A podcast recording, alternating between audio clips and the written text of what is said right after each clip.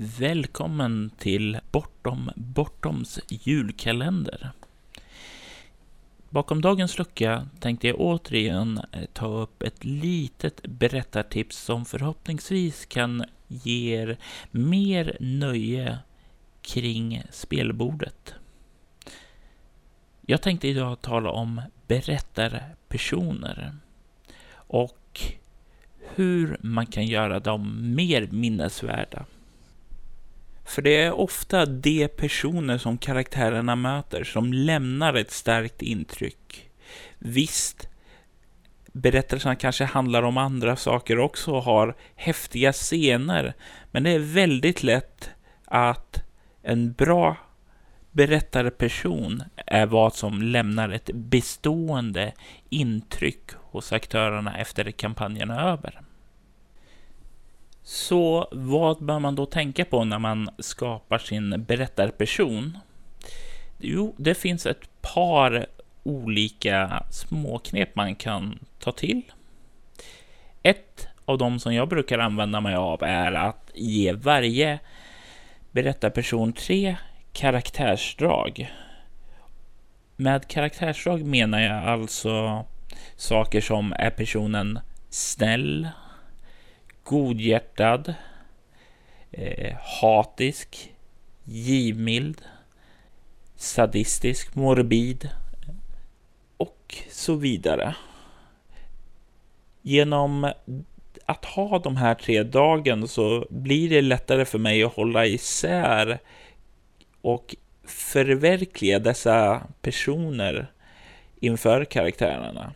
För tillfället håller jag på och spelleder väldigt många berättelser där det är inte ovanligt med ett 40-tal olika berättarpersoner som karaktärerna har kontinuerlig kontakt med. Och om man inte har någonting att knyta an till karaktären, någon liten hook att utgå ifrån, ja, i så fall blir det väldigt, väldigt lätt att du får en stor grå massa.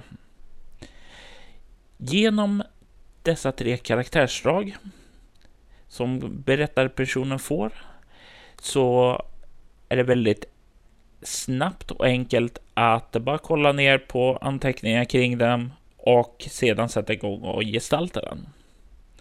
En fara med det här är att det är lätt att skapa enkelsidiga karaktärer. Till exempel om du ger personen givmild, snäll och förlåtande.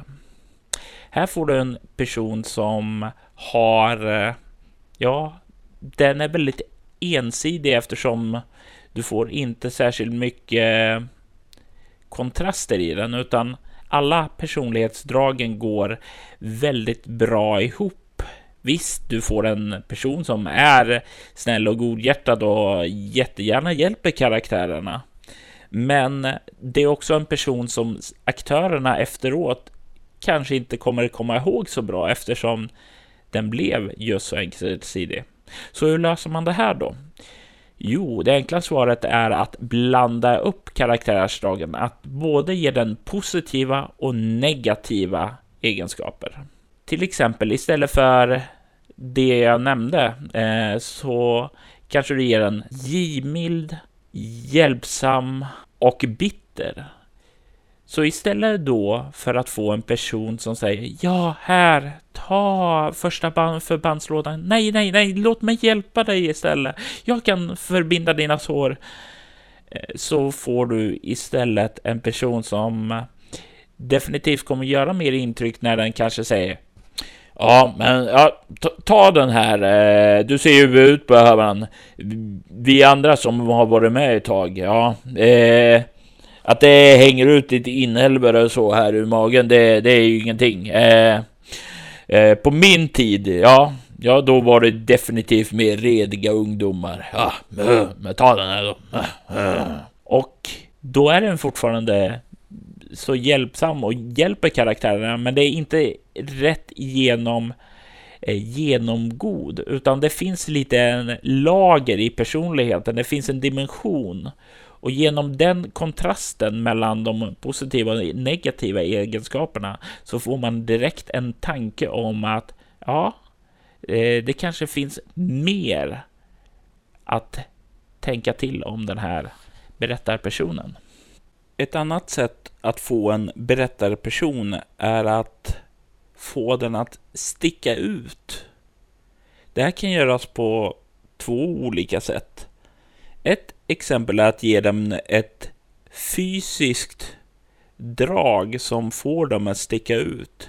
Det kanske mest traditionella eh, bilden av det här är ju ringaren i Notre Dame med sin puckelrygg. Men det finns förstås väldigt många andra sätt att sticka ut. Har han en eh, ögonlapp? Har han bara en arm? Eh, har han eh, R i ansikte? Har han platinablont hår i en eh, hockeyfrilla?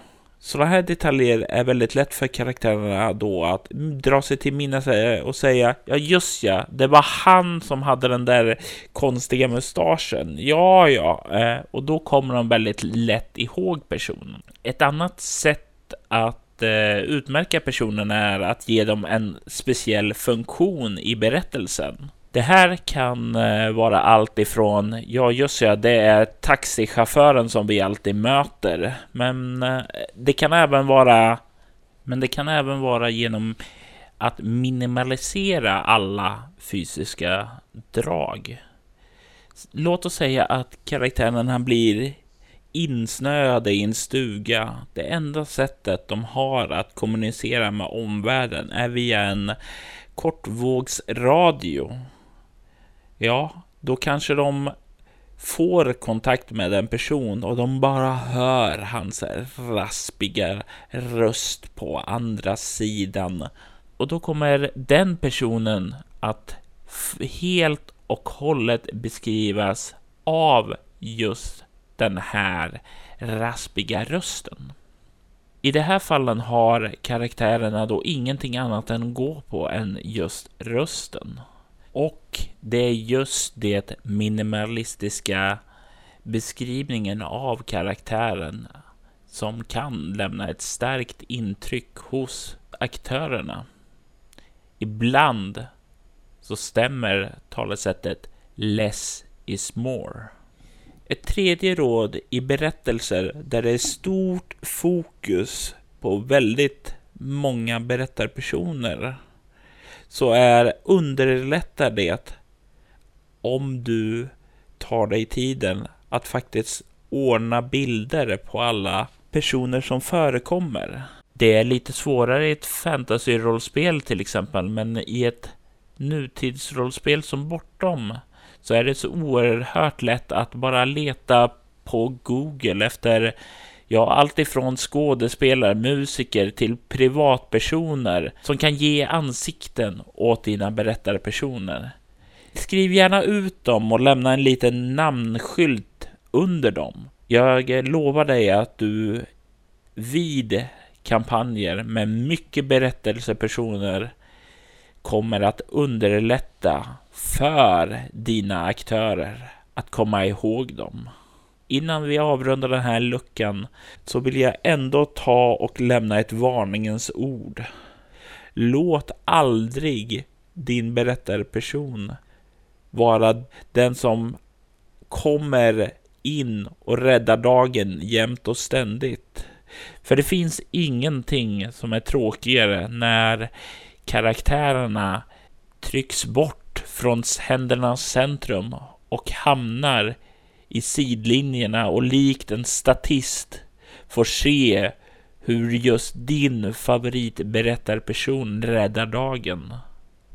Tro mig, det gör ingen aktör glad.